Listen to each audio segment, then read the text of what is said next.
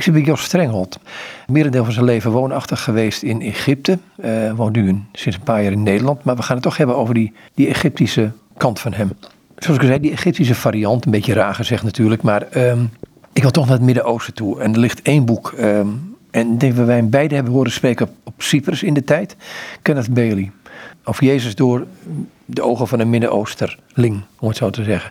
Um, dat gaat naar het Midden-Oosten voor jou lekker hebben. Je hebt in Egypte gewoond. Je bent tegenwoordig ook directeur van een stichting die heet Nijlvallei. Om Soedanese vluchtelingen te helpen. Dat even erbij, daar mag je zo ook wel iets over vertellen en passant zometeen. Maar dat gaat naar het Midden-Oosten, dat gaat naar Egypte.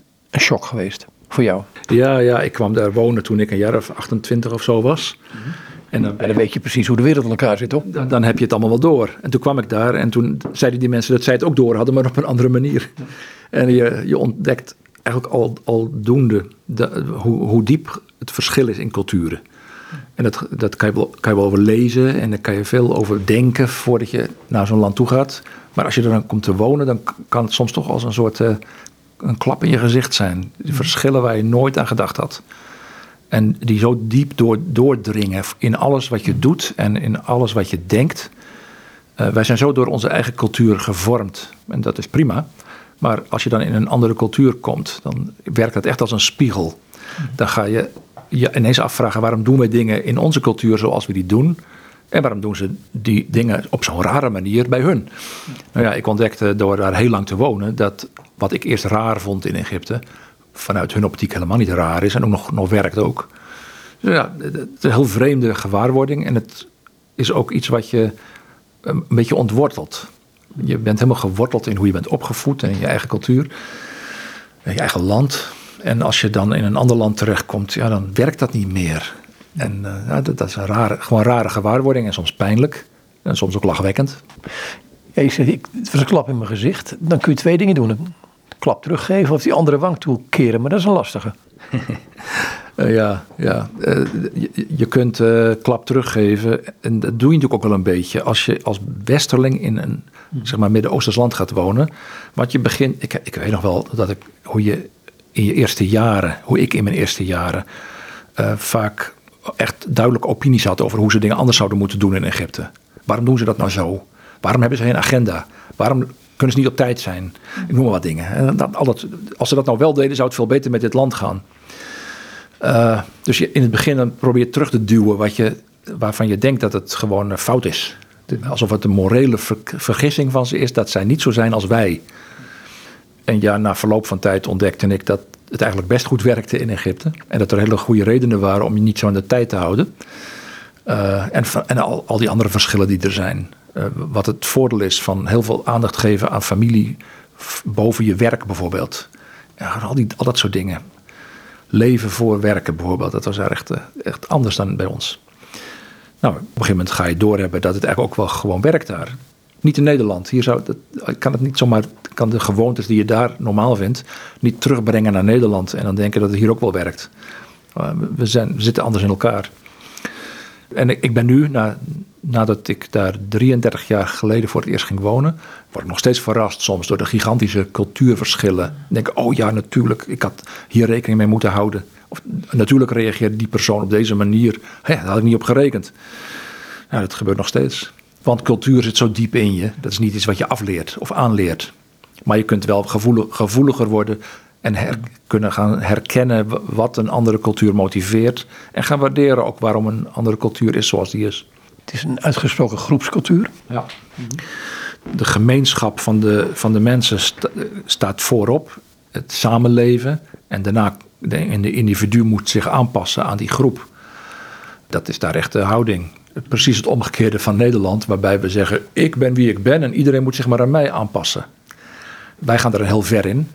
En in een land als Egypte gaan ze ook weer heel ver in het omgekeerde. Waardoor ook heel veel jongeren vooral stijgeren tegen hun eigen cultuur. Want ze willen wat meer recht hebben om ook zelf hun eigen mening te hebben. Maar dat past niet zo in hun, hun traditionele cultuur. Dus daar hebben ze wel wat uh, stresspunten. In onze cultuur in Nederland is de individu de maat van alle dingen. Wat ik vind, wat ik wil, daar heb ik recht op. En zo, zo mag het en zo moet het. Terwijl in het Midden-Oosten, in Egypte, de samenleving, de gemeenschap echt de maat van alle dingen is. En daar is de individu maar een abstractie. Het praten over individu en individualisme, dat, dat, ja, dat is secundair. Het boek wat hier ligt, want we zouden dit gesprek aan de hand van een aantal boeken doen. Um, Kenneth Bailey, we hebben hem beide horen spreken op Cyprus, dacht ik. Zelfs dezelfde toespraken. Hij heeft het over Jezus door de ogen van een Midden-Oostener. Kijkt iemand uit het Midden-Oosten zo anders naar Jezus toe? Of hebben die een ander begrip van wat er bijvoorbeeld in de Bijbel en Nieuwe Testament staat, wat Jezus doet? Ik, ik denk aan laat me eerst mijn vader begraven. Of de, de, de gelijkenis van de verloren zoon. Of de, de twee verloren zonen, hoe je het ook noemen wil. Ja, wij lezen veel van de gelijkenissen van Jezus of uitspraken van Jezus. In de eerste plaats door de bril van de Reformatie. Of door de bril van de Westerse kerk. Of door de bril van de verlichting. De, dus in Nederland, zo doen wij dat nu eenmaal. Wij hebben onze, onze Westerse kerkvaders en die bepalen hoe wij eigenlijk naar de Bijbel kijken. En dat gebeurt onbewust. Wij kijken als, Westerlingen bijvoorbeeld als individualist naar de, naar de Bijbel. Heel sterk. We zien heel sterk wat betekent het voor mij persoonlijk. En we, we lezen dus verhalen van Jezus ook door onze westerse culturele bril. Die neiging hebben we. Wat die Kenneth Bailey deed, die heeft ook jaren in Egypte gewoond. En die ontdekte dat als je de verhalen van Jezus leest vanuit de optiek bijvoorbeeld van het dorpsleven in Egypte, dat sommige verhalen ineens veel meer zinvol zijn. Dat het veel meer klopt. Uh, en dat, dat, dat de logica groter is. Maar soms ook gewoon het taalgebruik van wat Midden-Oosters is. Als je in het Midden-Oosten zegt, als ik aan iemand vraag, waar bid jij? Dan, dan weten ze wat ik bedoel. Dan bedoel ik, naar welke kerk ga je? Uh, als je het in, in, Nederland vraagt aan iemand, dan gaat het over persoonlijk bidden. Je, er is een voorbeeld, Jezus vertelt het verhaal van iemand die ging om te bidden naar de tempel ja, dat, dat die man naar de tempel ging om te bidden, was niet omdat hij ging bidden. Ja, dat zat misschien ook wel. Maar het geeft, was gewoon de uitdrukking om te zeggen, hij ging naar de tempel toe. Daarvoor ging hij naar de tempel. Iemand die moest, zegt dat hij Jezus niet meteen kan volgen, want hij moest zijn vader begraven. Ja, in het Westen lees je dat en zeg je, hè? Maar dat is toch normaal dat hij zijn vader moet begraven? Ja, nee, dat, als iemand dat in het Midden-Oosten zegt, dan bedoelt hij. Uh, mijn vader is nog een best een jonge man hoor. Maar die gaat over een aantal jaren dood. En geef me nou het recht om nog voor hem te blijven werken tot hij overleden is. En dan ga ik u volgen. Dat is gewoon een andere manier van omgaan met zo'n tekst. Vanuit de taal van het Midden-Oosten. Dus dat heeft me wel geholpen. En die Kenneth Bailey heeft me ook wel erg geholpen om uh, zo te gaan kijken naar, naar de Bijbel. Dat heeft mij geholpen ook, die boeken van Kenneth Bailey om te beseffen, ja, je moet je Bijbel ook lezen meer door de bril van het Midden-Oosten. Nou denk ik dat Kenneth Bailey een foutje maakte en dat heeft hij ook goed gemaakt uiteindelijk. Hij begon vanuit Egypte, waarin hij dat dorpsleven als het criterium nam. Mhm.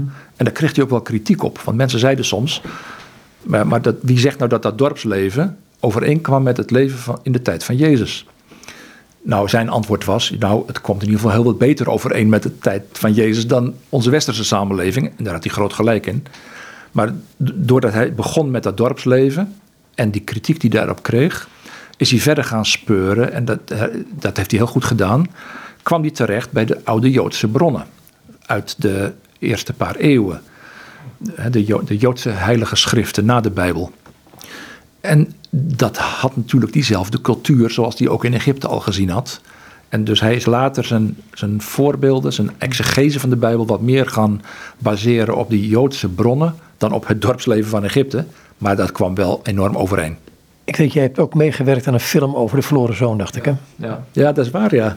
Uh, jaren terug uh, ja, we waren toen beiden nog jong, dacht ik. oh, wij zijn nog zo jong.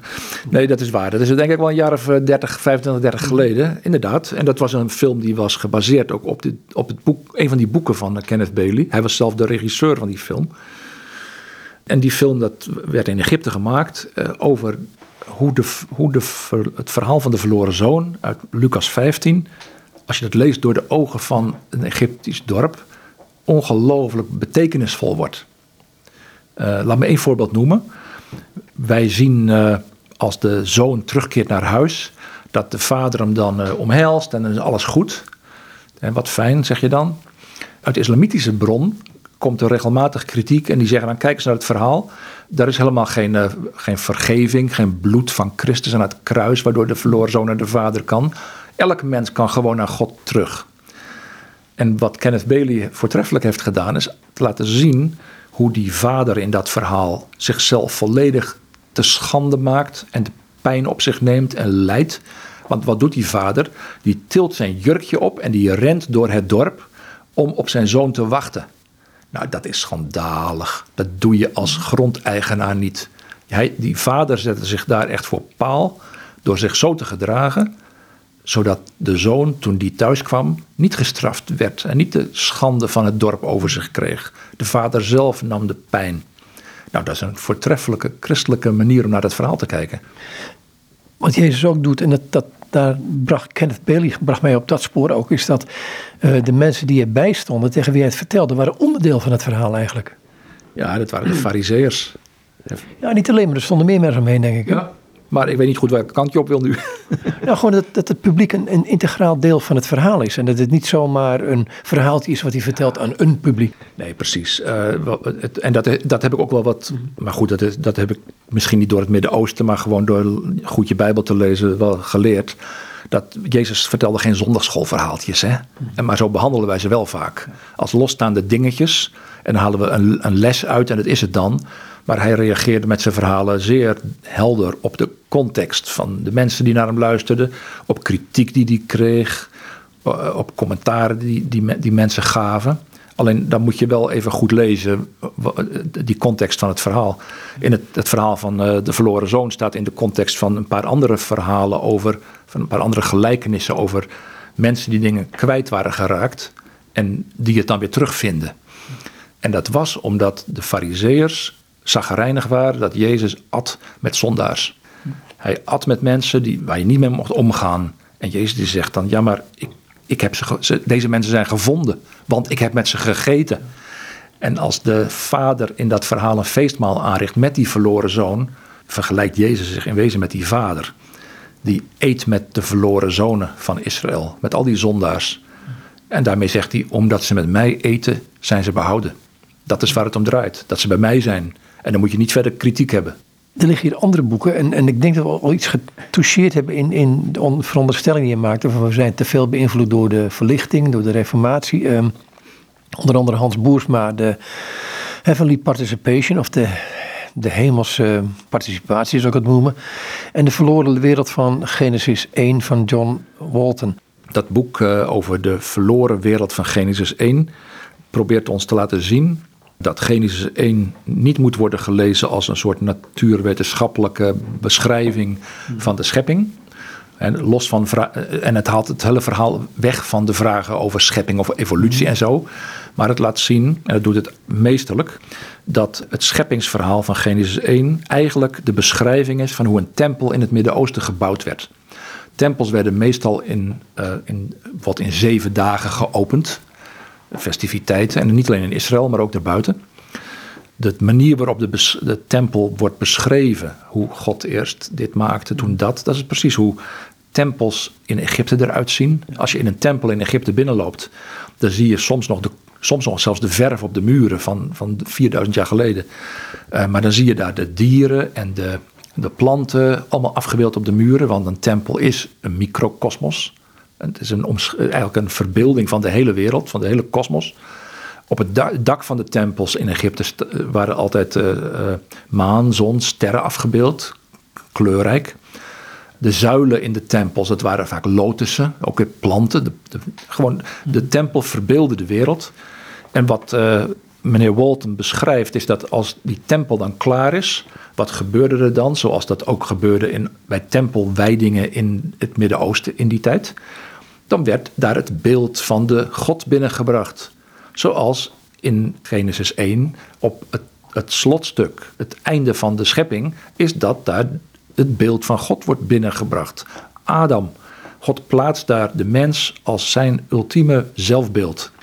Door zo naar Genesis 1 te kijken, zie je ineens, hé hey, ja, dus de wereld is een tempel. Wij, de, de, de wereld waarin wij wonen is de tempel van God. Zo wordt het verbeeld in Genesis 1. Trouwens, veel vaker in de Bijbel. Alleen dat, ja, je moet het wel even zien. Mhm. Als deze wereld een tempel van God is, dan is dus alles wat hier in, dit, in deze wereld gebeurt, of het nou goed of fout is, maar is altijd op de een of andere manier op God betrokken. Niets is neutraal. Alles, alles in deze wereld heeft iets met God. Dat brengt in wezen, ja, ik weet niet of ik het woord mystiek hier moet, voor, moet gebruiken, maar het brengt iets van, de, nou ja, van het sacramentele in het leven.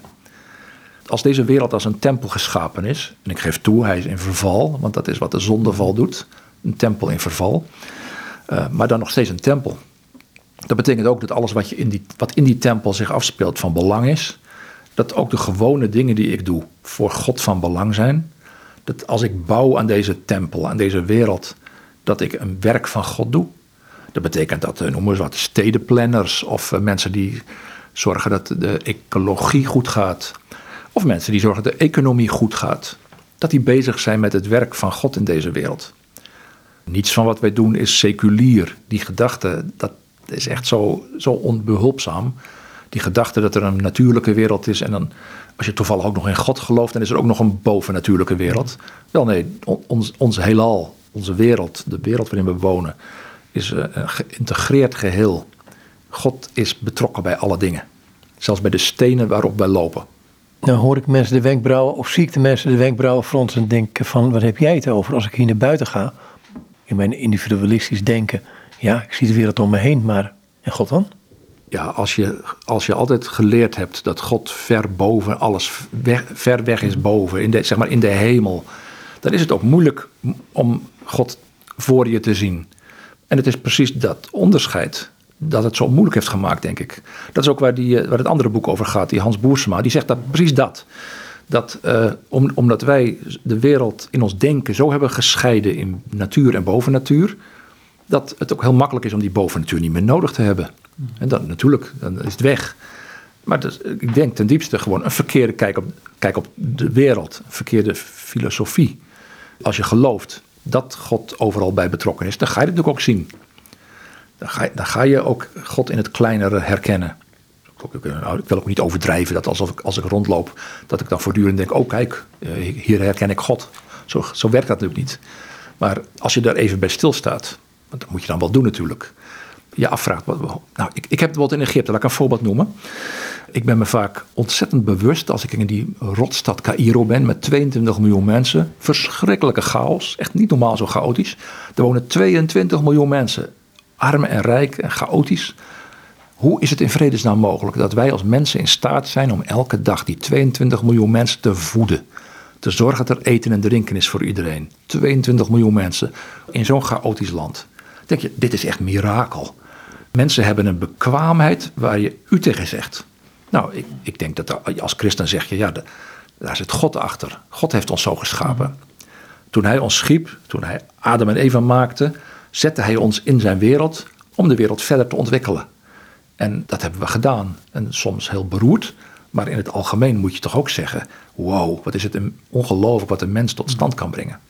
Wat doe je dan met mensen die zeggen, ja, ik ben mijn brein of ik ben mijn, mijn DNA of, of noem het maar op? Nou, ja, als je zo wil leven, dan ga, ga je gang meneer. Maar ik geloof niet dat mensen dat serieus, eigenlijk serieus nemen. Want als je dat serieus neemt, dan bestaat er ook geen schoonheid, geen liefde. Dan is er gewoon niks. Alle dingen waar je het meest om geeft in je leven, die kan je nou net niet verklaren door alleen maar naar de biologie te kijken.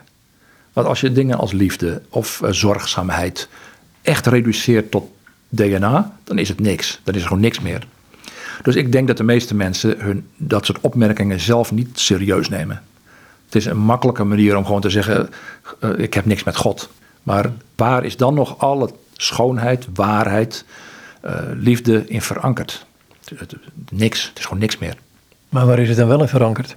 Nou, ik denk dat je moet ook uitkijken. Je zit in een soort cirkelgedachte hier. Mhm, mhm. Maar als je gelooft in een God, dan heb je een basis voor geloven dat er ook schoonheid kan zijn. En dat, dingen echt mooi kunnen zijn. Zonder geloof in een schepper die jouw DNA bij elkaar houdt, ja, valt alles in duigen. In de eerste plaats denk ik, de wereld zelf zou in duigen vallen zonder God. Maar ook filosofisch denk ik dat je je grond van alle argumentatie kwijtraakt.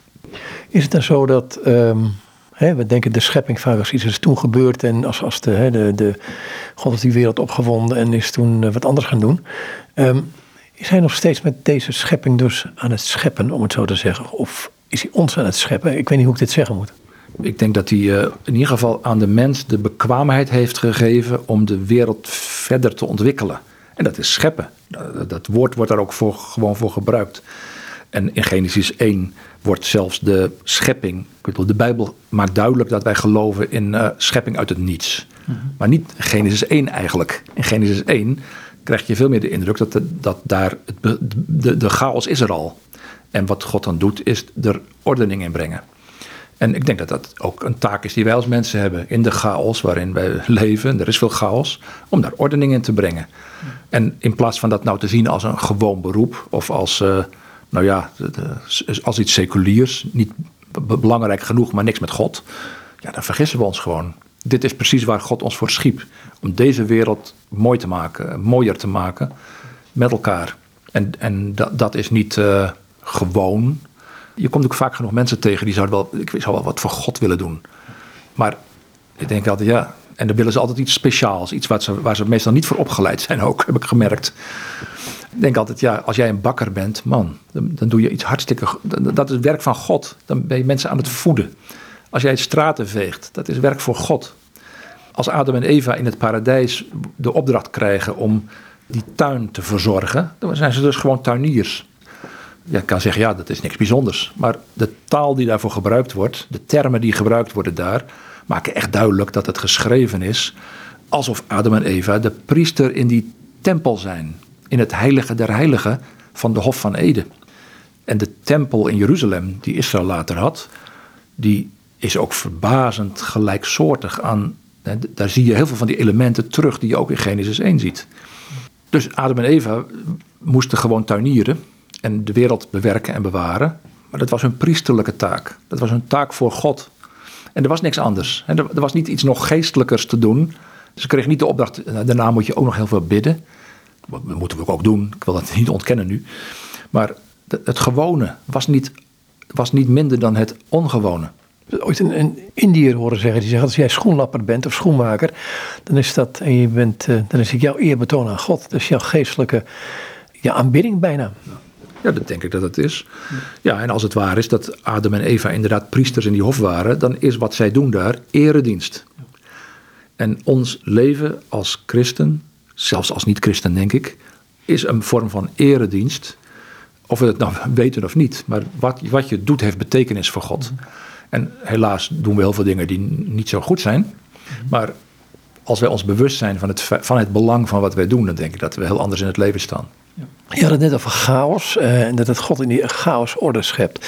Um, ik voeg er een woordje aan toe, uh, verwondering. Hè? Je bent in um, Cairo, uh, 22 miljoen mensen, dat zijn er nogal wat meer dan in Nederland wonen. Ik ben er wel geweest en het is inderdaad, chaos is troef. Hoe kom je daar tot verwondering? Nou, door, door, ook, ja, je moet je verstand erbij gebruiken, denk ik. En ik, ik heb door, door te kijken naar hoe, hoe is het mogelijk dat dit gebeurt, dat bracht mij wel tot verwondering. Ja. God heeft mensen zulke bekwaamheden gegeven. Maar je moet daar wel een knopje in je hoofd omzetten soms. Om e-, even bewuster mee bezig te zijn. Van hoe, hoe kan dit nou toch? Hoe, hoe kunnen mensen dit?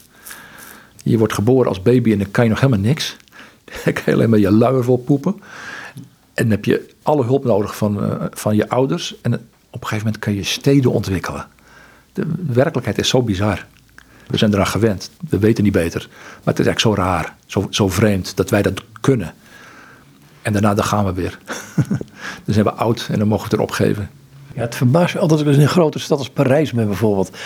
Dat er uit de kraan water komt, elektriciteit. Dat, dat elke keer verbaast me het weer als ik, trouwens in Amsterdam ook hoor, of, of in Bunschoten. Maar het is het toch allemaal.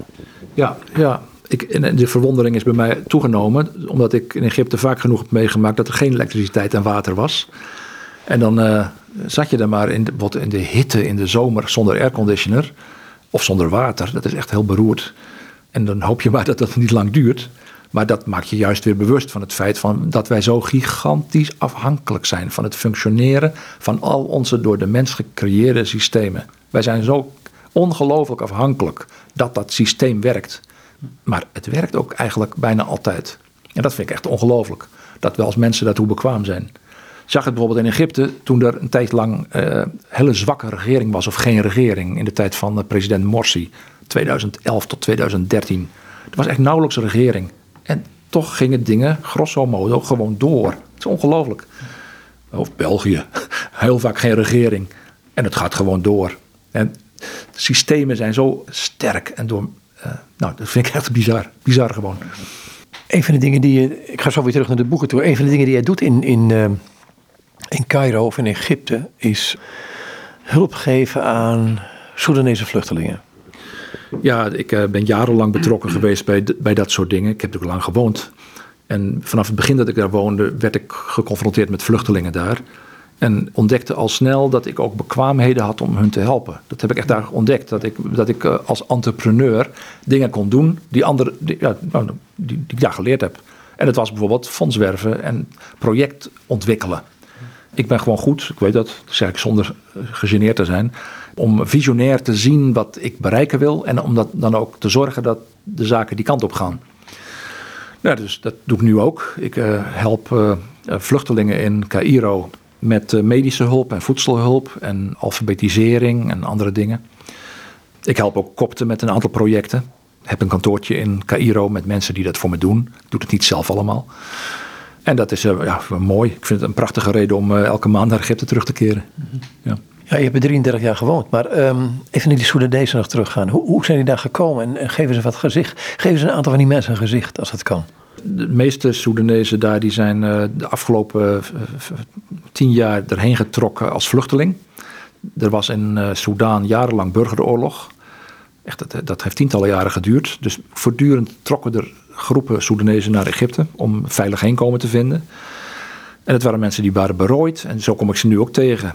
Karim die daar uh, arriveerde met een uh, gebroken heup. In Egypte, kwam in Egypte met gebroken heup. En die vertelde ons dat hij uh, in een gevangenis was gemarteld in, in Khartoum. Omdat de regering dacht dat zijn broer betrokken was bij een opstandige beweging. Dus hebben ze hem gepakt om te vertellen waar zijn broer zat. Karim die brak zijn heup. En toen lieten ze hem maar los. Gewoon, want anders zaten zij ermee in die gevangenis. En hij wist dat hij toch snel het land uit moest. Want anders zou hij nog steeds opgepakt kunnen worden. Dat hing altijd boven zijn hoofd. Dus hij is het land ontvlucht en is in Egypte gekomen. Heeft daar nog een jaar lang of zo met een gebroken heup op bed gelegen. Want hij kon eigenlijk niks.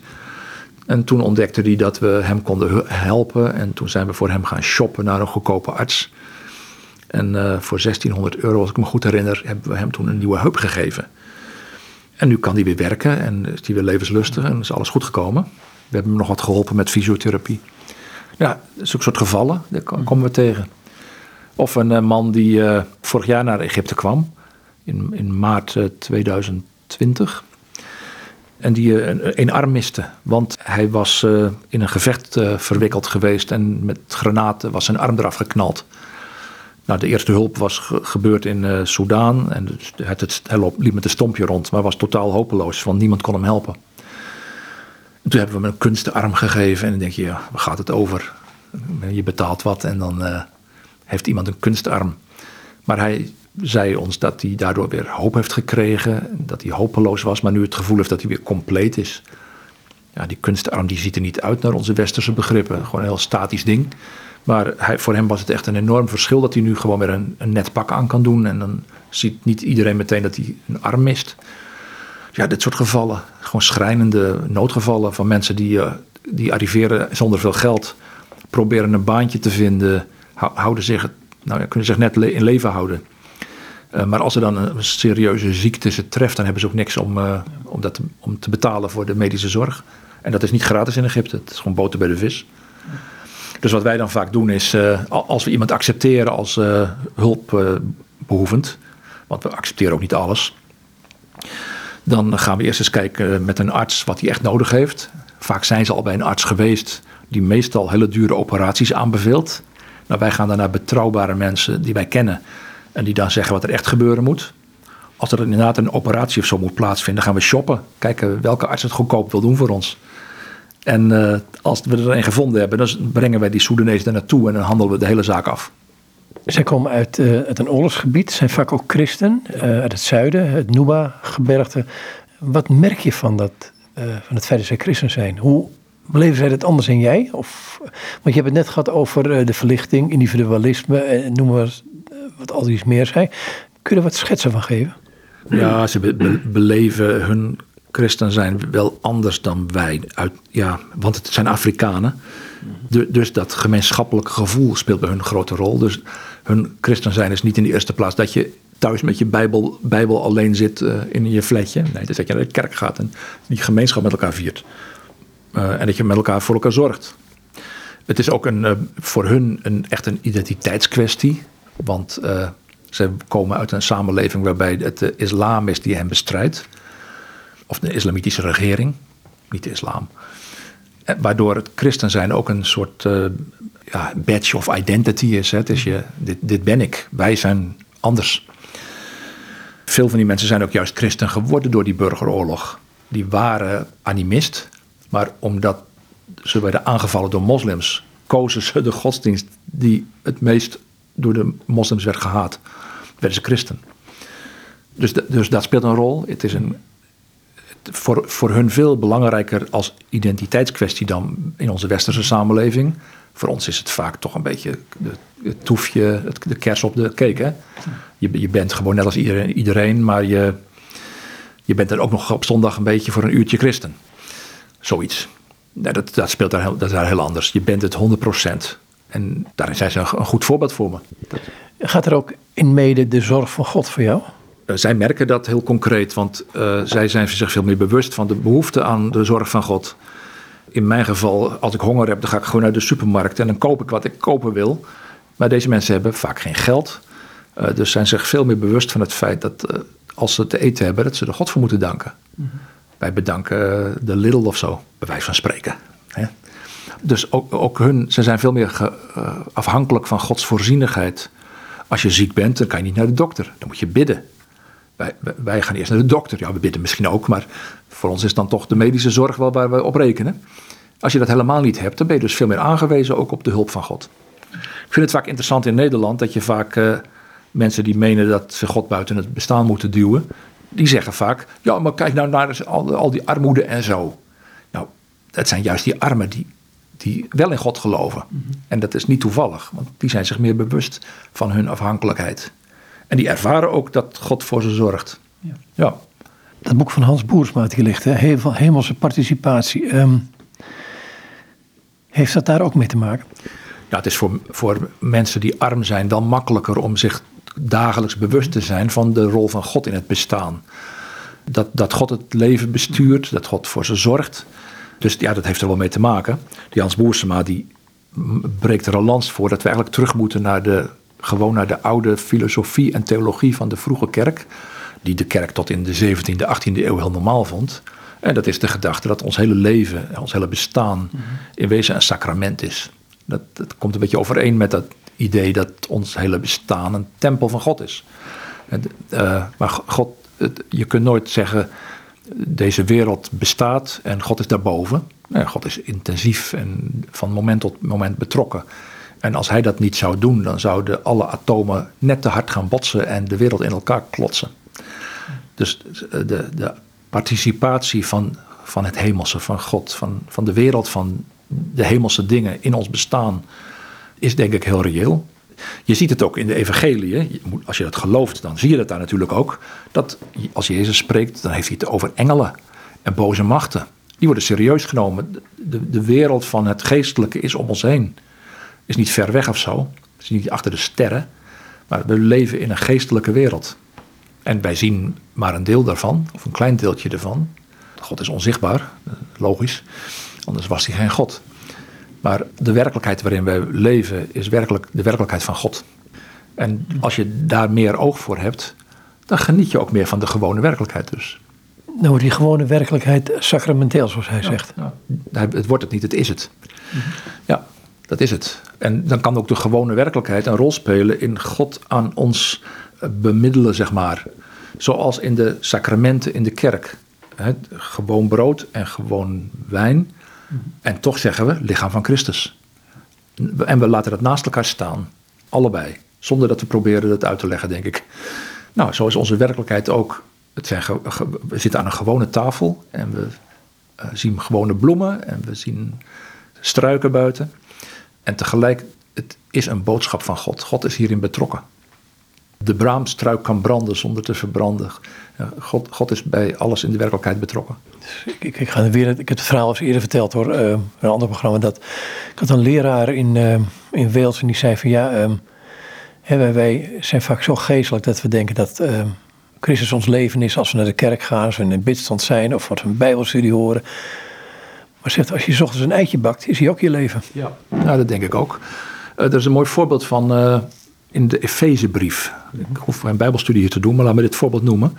Eh, dat eindigt met uh, de geestelijke strijd in de hemelse gewesten. Een heel geestelijk verhaal over dat er een strijd gaande is. En als je dan ziet hoe Paulus beschrijft wat er voor strijd gaande is in de hoofdstukken daarvoor, dan gaat het over echtparen en ouders met hun kinderen.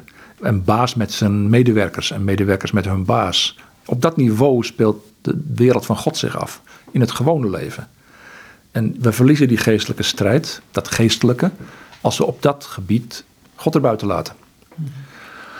Dus ja, ik, ik denk, uh, het, het is voor ons vaak moeilijk om ons voor te stellen, want wij zijn nu eenmaal zo seculier als de neten. Het zit zo diep in ons westerse denken. Ik, en dat geldt voor mij ook, mijn hart is seculier, ik weet. Het is niet goed, maar zo, zo, gaat dat. Maar als wij er even ons bij, van bewust zijn, even over nadenken, dat God werkelijk bij alle dingen betrokken is, dan wordt het weer leven veel meer een feest. Dat, nu ik er zo over praat, beleef ik dat ook. Als ik er niet over nadenk en er niet over praat, ja, dan beleef je dat ook niet, niet, niet zo natuurlijk. Dan moet je bij stilstaan. Eerder in gesprek zei je al zoiets als van, ehm, en die mensen ben ik ook wel tegengekomen, die zeggen in ene van, ja, ik werkte mijn gewone werk en in ene had ik zoiets van, ik wil God dienen. En dan willen ze, of in een kerk of in een dominee of werk wat ze willen worden. Ik heb er altijd iets raars bij gevonden. Maar ze mogen het van mij hoor. Ik bedoel, het zal best wel heel goed zijn. Jij bent tenslotte ook priester geworden in de Anglikaanse kerk, maar goed. Ja, precies. Ik uh, kreeg in Egypte heel vaak jonge lui uit mijn kerk bij me, Egyptenaren. En die zeiden dan, uh, ja, Assis, uh, priester, ik wil, ik wil gitma doen, ministry. Ik wil bedien in de bediening of zoiets. En dan denk ik altijd, ga naar een restaurant werken, of niet? Nou, ik zei dan vaak, nou, we hebben nog wel wat hulp nodig in ons cafetaria hier. En ik, eens per week moeten die toiletten schoongemaakt. En dus ik heb vaak dingen nodig, dus uh, ja, graag. Ze kwamen nooit meer terug. Ze bedoelen dan, ik wil leiding geven aan de jeugd of zo, aan het jeugdwerk. Dat, dat soort dingen. Dat, dat is dan het werk van God. Dat heeft, en het werk van God, dat wordt een soort gereduceerd inderdaad tot bidden of verbale dingen. Dat je dingen zegt, preken. ja jongens, is wel treurig. Zelfs voor een priester is dat treurig, maar dat doe je ook maar een uurtje per week. Mhm. Nee, het werk van God uh, heeft met deze wereld te maken en het ontwikkelen van onze wereld. Ik wil niet zeggen dat je ook niet beroepen hebt waarbij je wel wat meer met dat verbale en met, de, met de, zeg maar, het religieuze heel concreet je bemoeit. Die zijn er en dat is ook belangrijk. Maar die zijn niet uh, geestelijker dan, dan putjes scheppen. Ze zijn gewoon niet geestelijker. Ze zijn anders, maar niet geestelijker. En ik denk dat dat uh, toch een fout is die we wel heel vaak maken. En ook ikzelf in, met mijn denken. Je voelt je toch ook wel geestelijker als je een tijd gebeden hebt. Hè? Of als je een tijd Bijbel gelezen hebt. Dat is toch wel, dan voelt dat goed. Alsof je iets kan af, een hokje kan aftikken. Van nu heb ik gedaan wat God echt van me wilde. Maar, uh, nou ja, ik denk dan vaak, ja, maar iemand eten geven, dat is ook wat God van mij wil. En een moeder die eten voor haar kind maakt, is ook wat God van haar vraagt. Je kinderen opvoeden, maar dat is weinig zo belangrijk als dat. En weinig zo moeilijk, denk ik. Drama. Nou, nee hoor. Als je mijn kinderen ziet, dat zijn echt volmaakte schatjes. Dus ik heb daar geen. Uh, ik heb het aan mijn vrouw overgelaten. Zei die heel lachend. Hey, um, er ligt ook nog een boek van Thomas Oden. Um, en ik weet, wij hebben elkaar ja, wel vaker gesproken. Maar je zei op een gegeven moment, zei je, moet Thomas Oden eens gaan lezen. En toen heb ik een boekje gelezen over um, het christendom in Libië. Rond de jaartelling. Um, of daarna, na, na, na, de dood van Jezus. En over Marcus ging een ander boek. Um, die twee. En het zijn toch beide benaderingen die zeggen van kijk, ons christendom is veel Afrikaanser dan wij denken. Ja, hij wilde daarmee eigenlijk tegen die Afrikaanse christenen zeggen wees trots op jezelf en laat niet dat westerse christendom met zijn liberale opvattingen jullie vertellen wat je geloven moet. Daar ging het om bij Thomas Oden. En ik, of, of die daar historisch helemaal soms niet een klein beetje overdrijft, nou dat zou kunnen. Maar ik waardeer het enorm van hem. Dat hij inderdaad die, dat Afrikaanse en Aziatische christendom wil zeggen. Laat je geen oor aannaaien door al die verhaaltjes die je nu uit het Westen krijgt. over wat je eigenlijk zou moeten geloven. Want het christendom komt juist uit jullie wereld. Jullie weten precies wat je geloven moet. Kijk maar naar de bronnen van het christelijk geloof. Kijk maar naar wat Athanasius schreef. Of al die andere kerkvaders. Dat is Afrika. Alleen in Europa hebben we die mensen vaak gereduceerd tot ons soort mensen. Alsof het ongeveer Europeanen waren. En om die, ja, misschien was Athanasius hartstikke zwart. Of Augustinus. Hè? Dat waren mensen uit Afrika. Maar Het waren Berbers, andere taal. Ze spraken wel het, het, het Latijn, maar in Athanasius geval ook Grieks. Ja, en een heleboel mensen in Afrika spreken Engels, maar het zegt niks over hun etniciteit. Uh, ja, ik, ik, denk dat, we, dat het heel, heel een goede beweging is voor die christenen in Afrika om te zien: hey, kijk eens wat er hier van, bij ons vandaan komt. Het, het Ethiopische christendom was een bloeiend christendom. Toen we in Nederland nog uh, offers brachten aan Wodan en Donar en zo. Toen er nog geen christen te bekennen was hier. Dus de gedachte dat wij hun zoveel te vertellen hebben, nou, dat moeten we wat bescheidener zijn.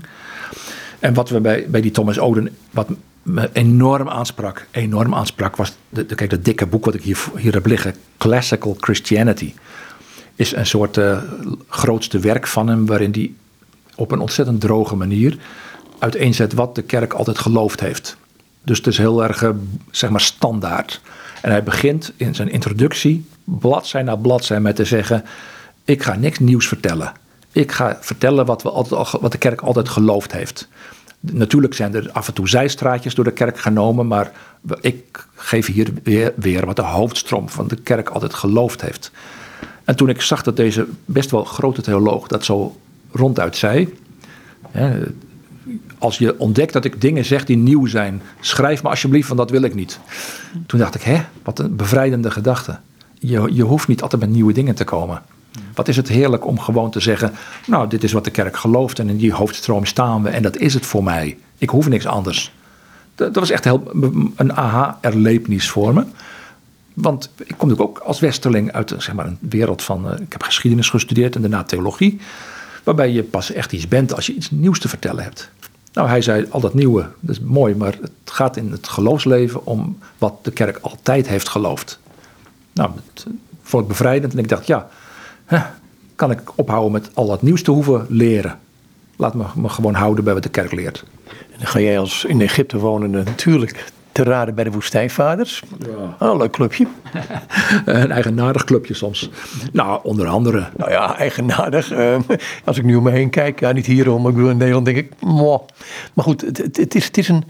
Ze hebben daar gezeten um, in Egypte. Um, ik, ik vind het schitterende spreuken en schitterende verhalen komen er vandaan. Ja, en wat me vooral in die woestijnvaders aanspreekt, kijk, die, die stonden niet bekend om hun uh, diepzinnige theologische werken, maar het waren echt mensen van de praktijk. Uh, waarbij het dan ging over uh, hoe, hoe, hoe, hoe erg kunnen we, hoe meer kunnen we nog vasten dan we nu al doen. Hoe weinig eten kunnen we het mee doen. Die mensen die stierven volgens mij zo wat. Dat, dat de radicalisme spreekt me niet zo aan om alleen nog maar de, de, de ogen te richten op uh, dat het lichaam zeg maar, moet afsterven. Maar de commitment, daar spreekt me wel weer aan. Hè, dat, dat mensen bereid zijn voor Christus zo ver te gaan, niet normaal. En er waren er heel veel theologen in die tijd die ook hele mooie dingen zeggen, die ik ook heel graag lees. Variërend van Egypte tot uh, Rome, tot het Griekse deel van de Romeinse wereld.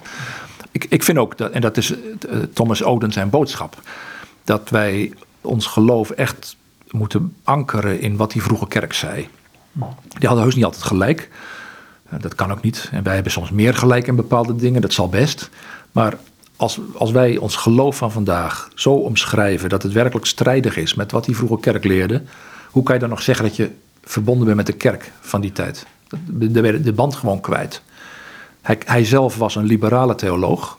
Hij, hij was echt van de zeer moderne snit die niet zoveel geloofde van wat hij las in de Bijbel. Tot een Joodse uh, collega van hem hem een keer zei: Joh, heb je wel eens die kerkvaders gelezen? Van, hoe kan jij nou zeggen als, dat je christen bent en theoloog, als je niet die kerkvaders kent? En dat schokte Thomas Oden voldoende om daar inderdaad zich eens in te gaan verdiepen. En daardoor is hij eigenlijk veel conservatiever gaan denken. En eigenlijk heeft dat extreme liberalisme aan de kant gezet. Omdat hij zag dat de vroege kerk gewoon een, een boodschap had waar je wat mee kunt en die ook overeenkwam met wat de Bijbel zei. Ja. Als ik naar de die dagen ga, ik weet niet of ik het goed uitspreek, um, daar kun je wat nodig over vertellen natuurlijk. En het is ook een heel praktisch geschrift. Ja, het is een werkje wat waarschijnlijk al voor een deel begon te ontstaan rond het jaar 50 of zo. Mhm. Dus voordat Paulus zelfs met zijn brieven begonnen was. En het eh, heeft zich ontwikkeld als werkje. Er werd wat bijgedaan en bijgedaan tot zo, waarschijnlijk tot het jaar 150. Maar de, het hart van de Didache is echt wel heel oud. En ja, wat je dan ziet is dat die heel vroege kerk uh, zo echt, echt de verbinding is voor ons met, met de Bijbel. En wat mij betreft kunnen we de Bijbel beslist niet goed uitleggen als we niet eerst kijken naar hoe, de, hoe die alleroudste geschriften van het, uh, zo na het Nieuwe Testament met de, met de Bijbel omgingen. Hoe was hun visie op de, op de Bijbel? Hoe, hoe begrepen zij Jezus? Want dat hadden zij zomaar van de apostelen geleerd. Zit er ook een enorm, die dag dacht ik, een enorm Joods element in? Nou ja, natuurlijk. Die, de eerste kerk was uh, vooral een Jodenkerk. Dat begon al snel te veranderen, maar, maar uh, er waren, het Jodendom was van enorm belang in de vroege kerk. En ik denk ook dat je kunt, gerust kunt zeggen dat het christendom in, in zekere zin een Joodse secte is. Daar, daar is alles ontstaan en wij gebruiken dezelfde heilige schriften voor een groot deel. Ik denk zelfs, maar dat is, dat is een beetje hachelijk misschien om te zeggen of te denken. Maar ik denk zelfs dat tot in de derde of vierde eeuw heel veel van het kerkelijk leiderschap eigenlijk nog joods was. Zonder dat we het nog weten. Maar dat waren gehelleniseerde joden. Maar ik denk dat het leiderschap vooral heel sterk nog eh, tot, tot een paar eeuwen na Christus echt joods was. Uh, ik bedoel genetisch omdat, uh, ja, zo werkt dat nu eenmaal, de, de, de, leiderschap dat wordt overgedragen aan een volgende generatie, geeft toch een beetje de, de fakkel over aan zijn eigen soort mensen. En die hadden dan al vaak heel Romeinse of Griekse namen, maar dat denk ik vaak toch Joodse achtergrond. Ook die Joodse, de invloed van Joodse geschriften, is aanmerkelijk, hè? Is opmerkelijk. Als ik aan een Philo denk bijvoorbeeld en ik denk aan Origenes, denk ik, nou, eh, Origenes heeft het nodige geput uit Philo. Ja, ja is eh, opvallend. Ik, wij, wij, kijken nu naar onze Bijbel en we hebben gewoon een, in 66 boeken die in één band gebonden zijn, waardoor je heel makkelijk de indruk krijgt dat de kerk had dat boek. Maar zo was het ook helemaal niet in de eerste paar eeuwen. Er was helemaal niet één boek, er waren allemaal losse geschriften. En ook heel veel Joodse geschriften circuleerden. En ik denk dat de kerk ook heel veel van die Joodse geschriften gewoon gebruikte. En dat in, in het begin van de kerk dat onderscheid ook vaak niet eens zo gevoeld werd. Philo die schreef een prachtig commentaar op het boek Exodus. Echt een uitgebreid bijbelcommentaar wat we nog steeds hebben. En toen ik onlangs zelf een lessenserie moest maken over een van de Cappadocische vaders, over het boekje wat hij schreef over het leven van Mozes, toen viel het me op hoeveel die ook weer uit Philo gehaald had. Dus er werd een flink leentjebuur gespeeld. En dat, daar, zat, daar had niemand het gevoel dat er iets mis mee was. Een interessante wereld. En het is juist de laatste tientallen jaren dat er veel meer oog is gekomen ook voor die relaties tussen de synagoge en de vroege kerk in die eerste paar eeuwen. En dat die vaak veel meer, uh, dat de randen van de kerk en de synagoge vaak veel poreuzer waren. En dat het, bij, elkaar, uh, nou ja, bij elkaar buurten veel gewoner was in die tijd. Een van de mensen waar Oden over schrijft is Marcus. Um, in zijn ogen iemand die inderdaad um, Egyptenaar was. Uh, ja, hij, onlangs heeft hij een, uh, voor zijn dood heeft hij een boek geschreven over Marcus. En daarbij, dat, God, de subtitel is geloof ik, uh, en het geheugen van Afrika. En hij citeert nogal wat schrijvers uit de eerste eeuwen die het over Marcus hebben die in Egypte gewerkt heeft. Het bewijs is niet ijzersterk, maar hij wil argumenteren, het is wel betrouwbaar. Je kunt ervan uitgaan dat Marcus inderdaad de eerste persoon was die het christendom naar Egypte bracht. Uh, en de Koptische kerk heeft daar uh, leuke verhalen over. En het bekendste verhaal is dat Marcus uit Libië kwam en in Alexandrië ronddoolde en niet wist waar hij moest beginnen met zijn zendingswerk. Totdat hij ineens iemand hoorde vloeken op straat. En het bleek een Jood te zijn. Die had uh, zichzelf bij het maken van zijn schoenen een schoenmaker, had hij zich op zijn duim geslagen en hij schreeuwde het uit. Eén God. Eigenlijk een soort vloek. Of misschien was het geen vloek, maar een alternatief voor een vloek. Maar goed, daardoor wist Marcus dat dit iemand was die in één God geloofde, dus een Jood was. Zo gaat het verhaal. En daar is, uh, daar is hij begonnen met preken. En zo is daar toen, volgens de traditie in ieder geval, de eerste kerk, de eerste koptische kerk ontstaan. Maar ook die link met, uh, met Libië, dat vind ik een hele interessante. Want daar ligt onder het zand nog het nodige begraven. Ja, als je, ja je kunt ook je kunt gewoon online kijken naar, naar wat er aan archeologie in Libië is. En dat is gigantisch. Gigantisch hoeveel daar nu te zien is. Uh, het is nooit zo'n vakantieland geweest, uh, waardoor het een beetje buiten onze routes is gebleven, maar schitterende vindplaatsen. En daar was inderdaad, uh, in ieder geval heel vroege kerken waren daar. En we weten van de eerste, bij de eerste synodes van de kerk, dat daar ook Libische bisschoppen bijvoorbeeld waren. Marcus die zou eerst in Libië zijn geweest om daar het evangelie te brengen, gekomen vanuit Rome, gezonden door Petrus. En uh, is toen vervolgens naar Egypte doorgegaan. En dat was ook heel logisch, want uh, Libië en Egypte was één cultuurgebied. Oost-Libië en het gebied tot aan Alexandrië was echt gewoon één cultuurgebied in die tijd. Is het dan zo dat uh, de, hè, wij, wij hebben de neiging de, de kerk te denken als ontstaan in um, Jeruzalem, Antiochië en dan door naar Rome?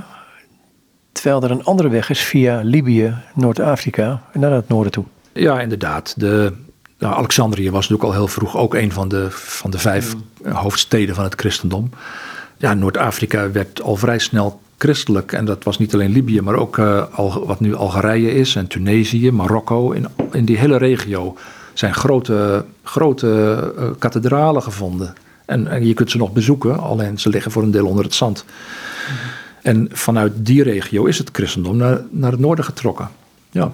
En uh, om sterker, vanuit Egypte zijn, is het zeer waarschijnlijk dat de eerste zendelingen naar Ierland gingen. Mm. Er zijn wel echt wel aanwijzingen voor. Dat Ierse christendom kwam vervolgens in de derde of vierde eeuw naar Engeland.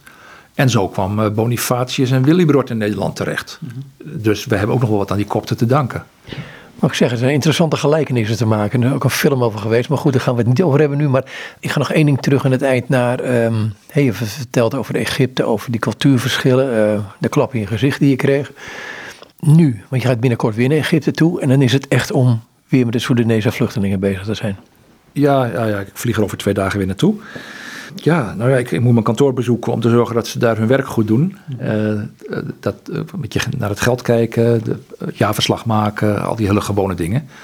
Ik moet een preek opnemen van een koptische bisschop. Die preekt, die gaat voor mijn camera preken, zodat ik die preek in mijn kerk in Arnhem en Nijmegen kan gebruiken. Wat van taal? In het Engels doet hij dat. Dus ik heb allerlei dingen te doen daar, allerlei besprekingen met een aantal voorgangers van kerken die van ons regelmatig hulp krijgen voor uh, hun kerkleden.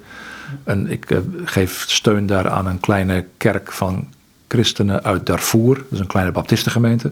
Dus ook vluchtelingen uit Soedan. En zo diverse dingen. Uh, gewoon met mijn standaard administratie moet ik daar doen. Wat voor tekst, hè? daar moet ik mee eindigen. Is nou al die tijd met jou meegegaan? Ja, voor mij is Matthäus 25 wel echt een, een, een belangrijk tekstgedeelte geworden. Waarbij Jezus spreekt tot mensen die voor de troon van God staan en berecht worden.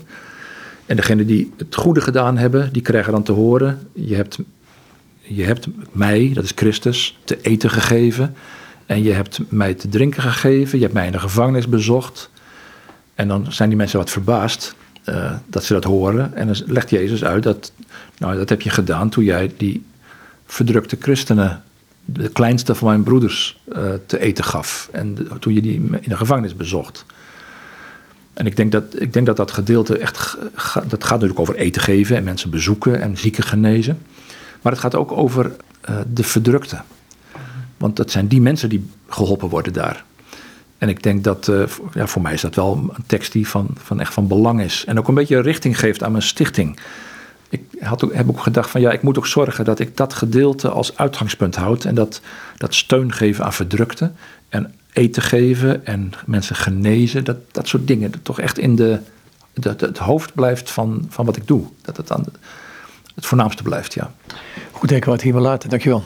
Je bent welkom, het was goed je te spreken. En dit is Jos Strengelt en met hem was ik in gesprek over een aantal boeken hier op tafel. Van onder andere Thomas Oden, uh, Kenneth Bailey, Hans Boersma en John Walton. En we spraken over zijn werk in Egypte voor de stichting Nijlvallei, waar hij directeur van is. Hij is tevens priester in de Anglikaanse kerk. Goed, en met hem was ik in gesprek.